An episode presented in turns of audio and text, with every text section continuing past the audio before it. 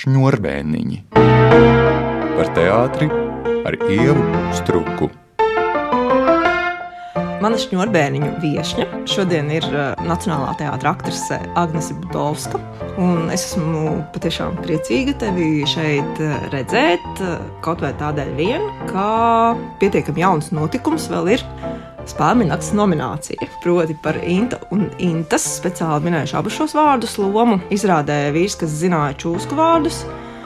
Un vienlaikus tieši par šo lomu tu pamanījies iegūt arī vēl vienu nomināciju. Proti, Patriarcha rudenī studenti pirmo gadu rīkoja puspa jokam, pusnopietni savu alternatīvo sezonas izvērtēšanu, un uh, tieši šī loma ietrāpījās uh, sadaļā neskaidrā identitāte vai identitātes meklējumi.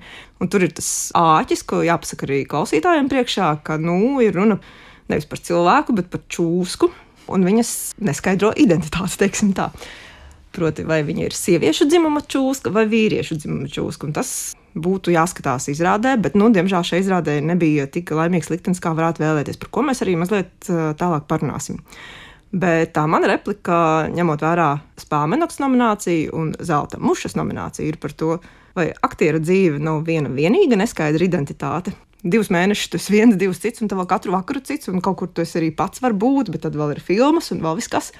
Kas ir identitāte, aktiera izpratnē, ko šis vārds nozīmē, un ko tu īstenībā nodomāji, ieraugot tieši šādu formulējumu par šo lomu zelta mušai, jo par spēļu naktis pieņemt vienkārši bija ļoti priecīga.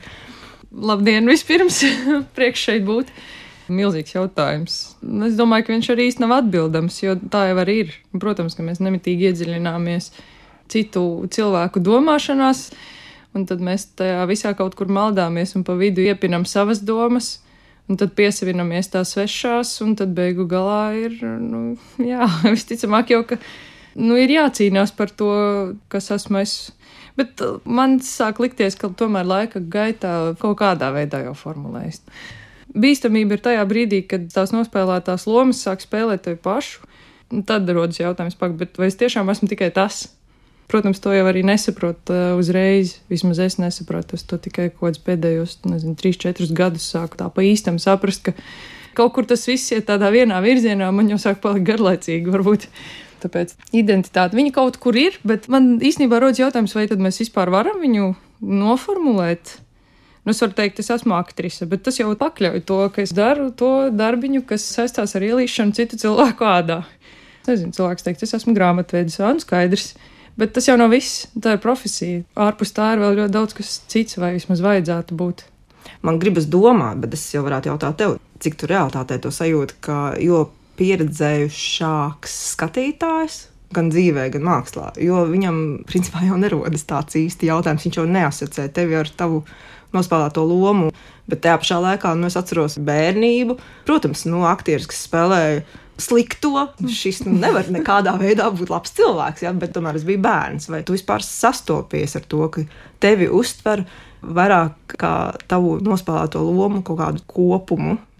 Es domāju, ka tas nav tik daudz satiekoties ar skatītāju, cik satiekoties ar uh, jauniem, nepieredzējušiem profesionāļiem, kuri ir redzējuši fragmentus no kaut kā, apmēram uz deguna uzliek un ir Nē, ir, ir arī tādi, kas tā drosmīgi vienkārši, hei, es zinu, ka šo tu neesi darījusi un pamēģini izdarīt to. Un tas bieži vien arī nu, dod kaut kādu citu enerģiju un stimulu tam darbam pievērsties. Bet tā ir tāda, manuprāt, tieši nepieredzējuša cilvēku lieta, ka liekas, ah, nu jā, nu tur. Tur būs komiķis vai tur būs cietējs, un, un visi tur arī kaut kādā veidā apstājas. Bet savukārt par to cilvēcisko identitāti, nu, pirmkārt, cilvēks visu mūžu, man liekas, arī meklē, kas viņš ir. Un otrkārt, es domāju, tā kā nav īsti visas profesijas, profesiju katalogā, tā arī Jā. tās cilvēciskās būtības jau droši vien var visu mūžu meklēt, kā vispār nosaukt to, kas tu esi. Un, ja mēs runājam par nosaukšanu, mēs tiekam jau ļoti slaidi pie tavas jaunākās lomas, par ko arī pirmās brīnišķīgās atsauksmes, proti, pie izrādes Naža Vistās kur tu spēlē lomu vispār ar neticamu nosaukumu - jaunā sieva. Un, Piedošana, jaunā jā. sieviete. Tad jaunā sieviete. Un uh, izrāde ir uh, Nacionālā teātris aktieru zālē. Pirmizrāde bija tikai šī sezonā, un autors apzināti viņai nav atvēlējis pat vārdu, bet vienlaikus viņas būtība ir meklēt vārdus visam, kas ir ap viņu. Cik lielā mērā jūs par to domājāt? Ka viņai nav personu vārda. Patiesībā sakot, gandrīz necik. Vienu brīdi tas kaut kā skaisti piedzima ainā, kur mēs spēlējam ar uh, Ivaru Kļavīnski. Viņš spēlē dzirnavnieku. Tur ir ļoti konkrēti, ka viņš man prasa, lai es uzrakstu savu vārdu, un tad es saprotu, ka to nezina neviens. Un tas vispār brīnums, ka man pašai vēl nav aizmirsies, lai gan es ļoti greizsirdīgi sargāju to, kas ir manā galvā, un negribu to dot nevienam, jo tiklīdz to izlaid ārā, tā, tas tiek vai nu apšaubīts, vai, vai ietekmēts, vai, vai netiek pieņemts, kā mēdz būt to savu vārdu. Viņa atklāja. Bet eh, vai tā bija tāda galvenā doma, par kuru mēs tur nu, īsti nē, par to vārdu varbūt gluži tik daudz nē, cik vispār par tādu nu, lielo jautājumu, kas tad es esmu, atgriežoties pie iepriekšējiem jautājumiem. Kas ir pasaulē un kāpēc ir tāda kārtība, un kur es visā tajā kārtībā atrodos un, un kur es gribētu atrasties? Lieli jautājumi, bet viņi vienkārši ielikt tās jaunās sievietes dzīves apstākļi varbūt nav tie krāšņākie. Vai tieši ir krāšņi, tikai sarežģīti un grūti. Jā lai varētu tā viegli no tā tikt ārā. Un tad beigās tas vienkārši mūsu interpretācijā kļūst par tādu gara spēku, kas tevi notur virs ūdens un ārpus kaut kādām tankām baumām vai ciema domām. Nezinu. Bet uh, atgriežoties vēl pie tiem vārdiem, kas man savukārt šķita būtiski, kā dzirnavniekam, jeb tā saucamajiem intelektuāliem jauniem, viņam ir vārds un uzvārds, pat ja viņš ir saistīts ar profesiju. tas, ka arājam, jeb zirgu audzētājiem ir vārds, viņu neglābj, jo viņa viņa vārdā nesauc. Viņu sauc iesaukā, un savukārt sieviete ir palikusi bez vārda, un tas ir ļoti interesanti tieši no tā autora puses, ka katram ir tās savas attiecības ar to, kas ir vārds un kas vispār ir vārds tādā nu, simboliskā tiešām nozīmē. Bet runājot par tavu vārdu, tev nav viņš jānosauc, bet vai tas ir tevis radīts konkrēts vārds, kuru tu izmanto katrā izrādē? Atklājot tikai dzirnavniekam, vai neeksistē tāds vārds, un, ja jā, tad kā šis vārds piedzima? Man nav ne jausmas, kā tas piedzima. Labi, tādas racionālas domas bija, lai nav pusstundu jāraksta vārds. Tam visticamāk vajadzētu būt īsam, ņemot vērā, ka viņai nav ļoti liela pieredze ar rakstīšanu, bet nu, rakstīt viņa prot. Mm. Nu, es to vārdu izdomāju. Tad es teicu, Ivaram, viņš nekādā gadījumā nedrīkst nevienam teikt, kā mani sauc. Nu, vismazāk Gunaram, kurš spēlē manu vīru, viņš man liekas, joprojām arī nezina, kā mani sauc. Bet bija ļoti interesanta situācija, kad es pateicu režisoram, mēs kaut kā nejauši tur kaut ko runājam. Ah, Ivars rādījums, tur pilspāle nestrādā. Tad viņš rādīja, ka es viņam esmu jau bez mazliet ādā ieskrāpējis to savu vārdu. Un jā, un režisore Jā, es nezinu, kā lai tagad to pasaktu, jo droši vien to visu tā nedrīkst atklāt. Bet nu, viņa pateica tik privātu faktu saistībā ar tieši to vārdu, kuru es biju izvēlējusies, un viņa nezināja, ka es tos izvēlējusies. Kad likās, vai nu kosmoss ir saslēdzies, vai spokojas. Bet tas bija tas, nu, es teiktu, pat maģisks brīdis. To īsti nevar izskaidrot, kā tas ir iespējams, jo ir taču tik daudz vārdu, bet izvēlējos tieši tādu, kas arī viņai ir tik nozīmīgs. Nu, Agnēs, kad es uzdevu šo jautājumu, protams, gaidīju vienkāršāku atbildi. Bet tā bija tas, bija, jā, tas bija pilnīgi neticami. Vēl runājot par eh, nažiem vistās, kas ir tāda jauna izrāde. Pēc pandēmijas mēs beidzot atjaunojām studentu ģenerālmēģinājumus, un tur bija saruna. Finālā sarunā piedalījās ne tikai režisori Inga Tropa, bet piedalījies arī tu un sarunājies ar studentiem. Un es ļoti labi sadzirdēju, ka tu teici, ka šis ir bijis mēģinājuma process, kurā tu esi uztverta un sagaidīta kā līdzradītāja savai lomai. Un kas ir tas, kas padara par līdzradītāju? Kurš ir tas būtiskais atšķirības moments? Jo es domāju, ka daudzi no tavu lomu radošiem procesiem ir bijuši pietiekami interesanti. Jo citādi droši vien tās lomas nebūtu bijušas tik liels un veiksmīgas. Kas tev radīja tieši to gandarījumu sajūtu šai konkrētajā mēģinājuma procesā? Es pat nezinu, kā to noraksturot. Um, bija visādas situācijas, kurās mēs tur sprūdām un netikām uz priekšu, nevarējām atrisināt. Kā to ainu, kā to ainu mēs sēdējām kafejnīcā un, un runājām, nu, karstasinīgi runājām. Man liekas, desmit dienas pirms pirmizrādes tā arī nespējām saprast, kādas ir tās attiecības, kas ar viņiem tur notiek, kāpēc tas tā notiek.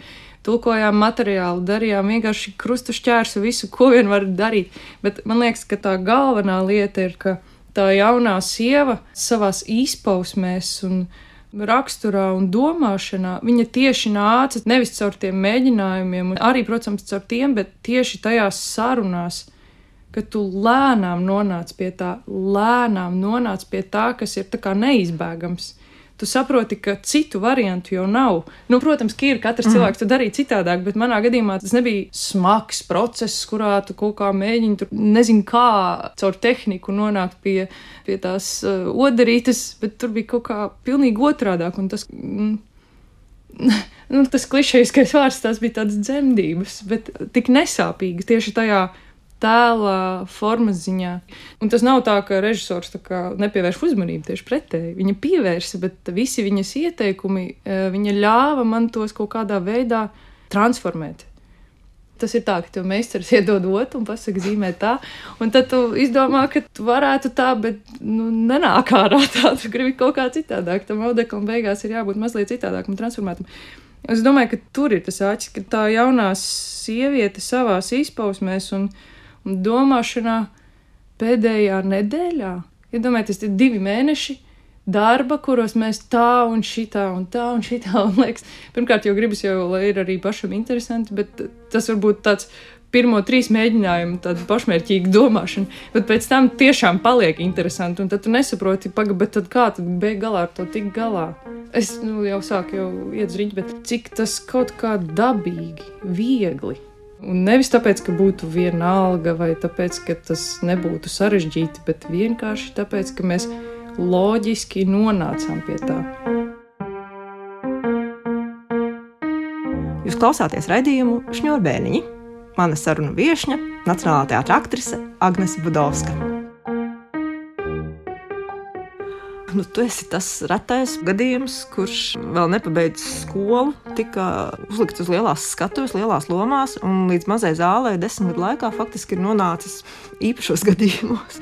Īpašos, četras, jā, reizes. četras reizes. Un, kā jau saka, režisoriem gan izraujot tevi ar zobiem un nagiem no lielās zāles iestudējumiem. Un lai cik gribētu šo ļoti, ļoti radošo un brīvo procesu, visticamāk, lielā ansamblī, kurā ir, nezinu, sākot ar 15 un beidzot ar 25 aktieriem, nu, visticamāk, tas ir ļoti, ļoti grūti iegūstams. Tad ir kaut kāds pilnīgi cits laika periods arī vajadzīgs. Un tā mazā zāle paliek šiem skaistajiem, pilnīgiem tādiem nu, intīmajiem radīšanas brīžiem, ka tā zāle to nosaka. Bet kur tu pati jūties komfortablāk, ņemot vērā, ka tev faktiski ir tā lielās skatuves pieredze ir daudzkārt lielāka nekā mazās zāles, tur, kur tev katru tavu kustību mm. Es saprotu, ka man tā pieredze lielajā zālē, bet laikam jau tomēr jāsaka, es esmu tās mazās zāles pusē. Es runāju ar vienu lietuviešu aktrisi. Viņa teica, ka viņa aizgāja no teātra tieši šī iemesla dēļ. Viņa pārgāja uz kino absolūti. Tieši iemesla dēļ, ka runājot lielajā zālē, lai kā tev to negribētos, nu, pieņemsim, tu runā mikrofonā, tā tad kaut kur mānies. Tev ir jāuzmana skaņa, lai tas būtu tehniski skaidri saprotams. Savukārt, ja nerunā mikrofonā, tad tev ir jārunā tik skaļi, lai tevi dzirdētu visās rindās un katrā ložā, un tie atkal ir meli. Un citreiz to patiesību gribas tādu kinematogrāfisku, bet es būšu godīgs, lielās skatuves atkal ļoti daudz ko var paslēpt kaut kādu mazu nezināšanu vai kaut ko, ko es vēl neesmu sapratusi līdz pirmizrādē, to var noslēpt. Nu, mazā zālē tas droši vien nav tik vienkārši izdarāms. Nu, bet, ja jautājums ir par komfortu, tad tomēr gan īstenībā sanāk lielā, bet radošāk. Radošāk un, mm. un, un tās nianses ir mazās zāles priekšrocība, jā. Bet runājot par niansēm, arī par ko dažkārt nākas domāt. Uh, nu, viena lieta ir režisors, kurš saliek ļoti daudz sīku, smalku detaļu. Otra ir nāk klāt vēl aktieris ar savu to redzējumu un savu individualitāti, un arī ir tātad šīs detaļas. Un tad nāk skatītājs, kurš par to objektīvu iemeslu dēļ nezina neko, un viņš, viņš uztver daļu noteikti uztver, bet daļa paliek um, nu, to droši vien nemaz nevar gribēt, bet eh, no otras puses gribēt vienmēr var. Kā tas ir ar šo detaļu pamanīšanu, un eh, vai nav kādreiz žēl vienkārši par to, ka ir kaut kāda ļoti smalkas lietas sastrādātas, un skatītāja acis pārslīd pāri. Tā kā nevainojot arī skatītāju, runa arī par profesionāliem skatītājiem. Mm -hmm. Un es varu pat ļoti subjektīvi teikt, es mēdzu izrādīt skatīties vairāk nekā vienu, dažreiz diezgan daudz reizes. Un vienalga ir kaut kādas lietas, kuras tu ieraugi piektajā izrādē, desmitajā. Jā, vai tev vispār sanāk par to domāt, un vai tu to jūti, ka daudz kas no tās malkuma tur arī paliek. Viņu nepamana. Ja pietiek ar to sevi, ka tu zini, ka viņš tur ir. Jā, man laikam pietiek ar to sajūtu, jo es nevaru citādāk to lomu izdarīt. Nu, es viņu nevaru izdarīt. Ja es nezinu tās nianses, kas ir man ārkārtīgi būtiskas, kas savieno katru vārdu, teikumu un domu, tad es nevaru. Man ir grūti, un tad attiecīgi es vienmēr domāju, Citreiz var just, ka piekdiena ir vai sestdiena, vai attiecīgi otrdiena, kad ir nedēļas sākums, tad nāk nogurus publika, un piekdienās nāk tādi, kuriem gribas pasmieties. Un to arī var just, un es domāju, to jau mēs pat nevaram lāgi ietekmēt, kā skatītājs skatās. Turklāt katrā krēslā skatās cilvēks ar savu dienas gaitu, savu dzīvi, savu skatījumu uz dzīvi, un jebkurā gadījumā redzēs citu izrādi tā būtu varbūt auglīga saruna ar viņiem pēc tam kādās diskusijās. Tu paņemt kaut kādu grupu un mēģināt panākt, ka viņi noskatās vienu izrādi trīs, četras reizes un, un pēc katras reizes ar viņiem sarunāties, uzdodot jautājumus, ko viņi pamanīja šoreiz un kas ir citādāk. Jo iztēlosimies ābolu un mēs katru iztēlosimies mm. kaut ko mm. citu. Man liekas, ka tā jau ir, ka katrs redz un izceļ savu vīrietis uz, uz dzirnavnieka un, un arāja lomu skatītos citādāk um, nekā sievietes, un, un tāpat arī uz jauno sievu. Pat šis ietekmē to, kā mēs redzam. Nu, kā mēs arī ģenerāli mēģinājumā starp citu runājam, tur arī bija auditorijā cilvēks, kas bija redzējis Gata Šmita iestudējumu dēls teātrī un teica, Mm, ļoti skaidrs. Tur taisīja izrādi režisors vīrietis, šeit izrāda sieviete. Mainās skatu punkts, jeb skatu leņķis. Kā. Mums arī bija atnākuši mm. scenogrāfi jaunie. Es sapratu beigās, ka viņiem lielākajai daļai tā kā vispār nepatīk šī izrāde. Un tas arī ir ārkārtīgi interesanti, jo pēc tam nāk publika, kura pēc izrādes plaudē un nelaiž nost cik viņiem ir paticis, bet eh, lūk, ir kompānija, kuriem ir savs viedoklis par to, ko viņi vēlas vai kā tam varbūt vajadzētu izskatīties. Un es jau kā aktieris, es to nevaru ietekmēt. Es varu tikai darīt tā kā labāk, un tieši tāpēc man ir vajadzīgi tie smalkie pieturpunkti, nu, lai tad viņi pazūd, bet man viņi ir vajadzīgi. Citādāk ir ārkārtīgi grūti. Nu, tad sanāk tā pārāk tukši. Nu, tautas teātris nevēlos aizvainot, bet nu, tā kā vārds vārda pēc, bet uh, doma pazūd šī, bet arī citu darbu un lielo lomu sakrā. Man ir arī viens jautājums, par kuru nereti runā nu, arī ar pieredzējušiem aktieriem, ka, nu, lai cik lielas lomas tu būtu nospēlējis, tu visticamāk jūties katru reizi kā. Pirmajā kursā sākot atkal jaunu darbu un sākt no nulles. Domājot par šo tēmu, nenāca prātā, vai loma, ja to spēlē daudzas reizes, nu, teiksim, izrāda, kurš tiek spēlēta 30 vai 50 reizes, vai katra tā nākamā izrāde barojas no tā, ko tu esi, piemēram, iepriekšā izrādē, bet tieši šajā pašā lomā sataustījusi, atradusi sajūtus, ja tomēr izdodas sākt no nulles, bet vai vajag sākt no nulles? 50. asins kārtas, piemēram. Es domāju, ka man varētu četros naktī piezvanīt, un es norunātu asins kāzu monologu. Varam kādreiz pamēģināt. Es domāju, ka es to varu. Bet vai tas barojas no tā, ka es esmu piedzīvojis tās iepriekšējās izrādes, man liekas, ka tieši no dzīves. Tas gan savukārt traucējoši. Tāda sajūta, ka man ir jāņem eksemplārs nevis tāpēc, ka es nezinātu tekstu, bet tāpēc, ka man ir jāiemācās no jauna tā meitene, jo es jau esmu cits cilvēks ar citu dzīves pieredzi, un spēlējot šo meiteni, pazūd kaut kāds trauslums, kas piemīt tur, nezinu, cik viņai tur 22 gadi laiks vienkārši rit uz priekšu, un tā pieredze un dzīves uztvere, un viņa jau pat ir kaut kādā ziņā šobrīd jāslēpj, lai, lai saglabātu izrādes kvalitāti, lai saglabātu to, nezinu, virsskaņu vai jā, to vecuma sajūtu, pieņemsim. Es nesaku, ka esmu vecs.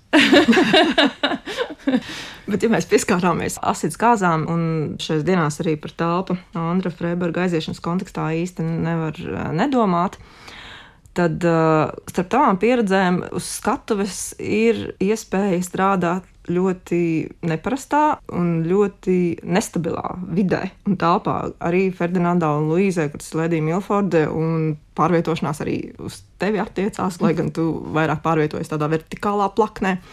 Vai, piemēram, asinskāzu finālā tu soļo pāri skatītāju krēslu rindām. Kā tas ir, cik tas no tevis prasa vēl papildus uzmanību, koncentrēšanos, kā ir apdzīvot neklasisku teritoriju. Salamē, piemēram, nezinu, deju uz absolūti šauras letes, eh, bīstoties, kas var viss arī notikt. Vai šādi papildus apgrūtinājumi piešķir vai nepiešķir kaut ko pašam tam tā, vismaz kāda tev ir tā sajūta, nu, jo gal galā tu pretī var nokļūt arī lomas, nu, pietiekami klasiskā vidē, tādā, kas neapdraud ne tavu dzīvību, ne veselību. Runājot par apdraudēšanu pēc dzīves veselības, atcerējos uzreiz, ka es nejauši ievēlos eh, skrodēdienās silmačos. Ah, to tad arī ļoti mierīgā telpā var mierīgi iekrist. Jā, tieši tā arī pilnīgi tradicionālā telpā var ievēlties tā, ka visu vasaru pēc tam svārkus nevar uzvilkt, tā ka viss zilsums apkājas. Tā kā tas nav noteicošais, bet es viennozīmīgi uzskatu, ka telpa gan asinskāza platforma un kāpšana pa krēsliem, viņa ārkārtīgi spēcīgi strādā. Es atceros, ka mums iznāca asinskāzes un Un skaidrs jau, ka tas nebija tāds diezko viegls posms ne privātajā dzīvē, ne strādājot ar uh, Vladislavu Nastāvševu. Bet uh, es atceros, ka tās asinskās beidzot bija iznākušas, un mums bija skrudēdienu mēģinājums. Un es ieeju zālē, kur ir tukša, uz skatuves tajā brīdī nekas nenotiek, un es apsēžos aizmugurē tajos krēslos, un man sākās kaut kas līdzīgs panikas lēkmē, jo man likās, ka es pēkšņi atkal esmu tā jaunā mm -hmm. līgava, kas sēž tajā kapakmeņa pilnajā vietā, mežā, kur ir nomiruši cilvēki, un viņa nevar, jā, respektīvi tā telpa, viņai ir liela, liela nozīme. Un to pat skatītājs var nesaprast un var neustvert, kā mēs to redzam, bet tā atkal ir vienkārši tāda lieta, kas palīdz spēlēt. Vai tas galds salabē, ah, dēja. Tas bija ārkārtīgi grūti. Tas bija grūti, bet beigās man likās, nu, kā tā citādāk. Tas viss jau kaut kur paliek, un skaidrs, ka sākumā liekas, kas tie par noteikumiem, kā lai tādos vispār izdzīvo. Pieņemsim, Salomē tas tiešām tā bija, mēs tur cīnījāmies. Bet uh, tad, kad tu tam izai cauri, tad saproti, ka nu, tieši tā vajag vienkārši uzticēties tiem cilvēkiem, kas to ir radījuši, un ļauties. Bet process ir viena lieta un rezultāts ir kaut kas cits. Šeit uh, es tomēr gribu apli atgriezties pie um, vīrs, kas zināja čūsku vārdus. Kā tev šķiet, kas nosaka tomēr izrādes veiksmi? Jo nu, mēs visas izrādes īstenībā ieceram kā veiksmīgas. Visi teātri, visi režisori un principā arī visi aktieri. Visi vēlas to labāko, un tomēr, tad, kad tas rezultāts ir sasniegts, Un tad iestājas tāda ļoti mistiska zona, kurā man nav tādas tiešas atbildes, kāpēc notiek tā vai citādi. Bet kā tev šķiet šai konkrētajā Ivara Pellu iestudējumā, ko neustvēra vai nepieņēma, vai sagaidīja kaut ko citu, nekā domāja, ka sagaidīs publika, jo nemaz negadās tik bieži, ka ir tik atturīga attieksme. Mielēks, tas taču acīm redzot neizslēdz brīnišķīgus aktieru darbus, ja reiz, piemēram, ir šāda nominācija. Nu, kā tev šķiet, kas veidos, kas es drīkst novirzīties no tēmas, es gribu pieķerties tai zelta mušai, man liekas, tas ir kolosāls pasākums. Es ārkārtīgi labi pavadīju laiku, un, protams, ka tas ir viņu ģeniālais veids, kā pievērst uzmanību patriārhu rudenim, kurš eksistē un cilvēkiem, kā reiz arī mums profesionāļiem vajadzētu biežāk to apmeklēt, ņemot vērā, ka tā ir mūsu nākotne, kas tur rada izrādes un viņas spēlē. Jā, man vienkārši tas tāds aicinājums tiem, kas dzird. Nāciet nākamgad uz to pasākumu. Tas ir kolosāli. Tas tiešām ir brīnišķīgi. Vienkārši ņemiet līdzi savu humoru izjūtu, un viss būs kārtībā. Bet atgriežoties pie izrādes vīrs iznāca uzkavārds, es nezinu. Man tiešām nav atbildes, jo es darīju savu darbu lielā kolektīvā, jāpiebilst ar uh, lielu mīlestību un patiku, un kā reiz man atkal bija tā sajūta, ka viss notiek uh, ļoti viegli, nu, sarežģīti, tāpēc, ka nu, apstākļi un tā tālāk, bet nu, bez tādas kategoriskas kaut kādas attieksmes pret to, kā tam beigu galā vajadzētu izskatīties no režisora puses. Un līdz ar to atkal ir viegli, un, un cilvēkiem ir humora izjūta, nu, es domāju, mums aktieriem radot, mums bija lielisks process, un es nejūtu to, kāpēc skatītājs varētu būt uh, atturīgs Ļoti interesants jautājums patiesībā. Principā jau ar šo jautājumu es gribu arī pārmest tādu vēl vienu citu tiltiņu uz tikko iznākušo filmu Suflieris, kur arī tev ir loma, kas ir tapusi Igaunijas režisora Margus Paju režijā. Uh, Ņemot vērā arī citas tavas kino lomas un pieredzi, ņemot vērā arī šo darbu, vai beidzot varētu mēs runāt par to, ka latviešu aktieris strādā ne tikai Latvijas mākslas telpā, bet jau tādā Baltijas telpā, vai arī tev ir šī sajūta, jo Jo tā tomēr nozīmē arī tādu reālu sadarbību ar nezinu, igauņu kolēģiem, ar lietuviešu kolēģiem. Un, vai beidzot pēc 30 neatkarības gadiem šī sajūta ir ne tikai man kā skatītājam, bet arī tev kā cilvēkam, kurš piedalās procesā un rada. Vispār bija ļoti interesanta vasara. Es tajā vasarā filmējos arī Lietuviešu filmā, kurai kā reiz tagad, 23. oktobrī, ja, ir pirmizrāde Song for a Fox Rīga ietvaros. Jā, aktieri braukā. Mēs braukājām, mums ir iespēja filmēties, un šobrīd Latvijā filmē arī visādus citus ne tikai Baltijas eh, Netflix brauc pie mums un filmē eh, gan seriālus, gan filmas. Nē, nu labi, viņi, protams, pārsvarā paņem savus aktierus galvenajās lomās, un mēs pildām to funkciju, kas ir eh, lētais darba spēks, bet profesionālis, kas ir ārkārtīgi būtiski tieši filmēšanas procesā neviens nedrīkst atklāt ne lokācijas, tas ir atrašanās vietas, ne, ne scenārijus, nekas tur tiek filmēts. Tā pakluso, pakluso, mēs te kaut ko ātri pafilmējam, lai gan beigās to var redzēt eh, visā pasaulē. Bet eh, par eh, suflieru runājot, tā bija vienkārši brīnišķīga pieredze. Režisors bija brīnišķīgs, arī kolēģis. Ļoti gudrs un ļoti, ļoti tolerants, atturīgs un ļoti pieklājīgs. Un tā bija tāda brīnišķīga atbrīvojoša sajūta, strādājot ar to cilvēku. Viņš vienkārši ļauj pamēģināt, un nevis caur to, kā, ah, šitais man nepatika, darīsim tā, bet atkal caur to pozitīvo pusi. Un man liekas, ka tā arī ir kaut kādā ziņā. Varbūt pat mūsu pedagoģijas un domāšanas lieta, kas eh, šeit Latvijā ir. Mēs mācāmies nevis caur to, ka tas ir labi un iemācīsimies vēl arī šo, bet mēs mācāmies caur to, ka mm, nē, tas nebija labi, tāpēc mēs darīsim tā. Līdz ar to strādājot tādā atbrīvojošā vidē, kaut kur ārpusē, ir tāda sajūta, ka kāds visu laiku kaut ko noklusē un nesaka, cik slikti ir. Tas ir absurds, bet tā ir. Un visu laiku domā, kāpēc man neviens neko nesaka. Bet varbūt tas ir tāpēc, ka viss ir kārtībā. Tikai man tā domāšana ir iedzīta jau tik ļoti, ka liekas, ah, skaidrs, labi, nekas te nav, nekas man te labi. Darīšu vienkārši kā es domāju, un tad gan jau var būt kaut kā. Tā uzticēšanās sev pašam īstenībā ļoti maz tiek ieaudzināta. Protams, tā ir arī bīstama lieta kaut kādā ziņā. Nu, nevar uzticēties tikai sev, ir jābūt visu laiku kādam, kas vēro no malas.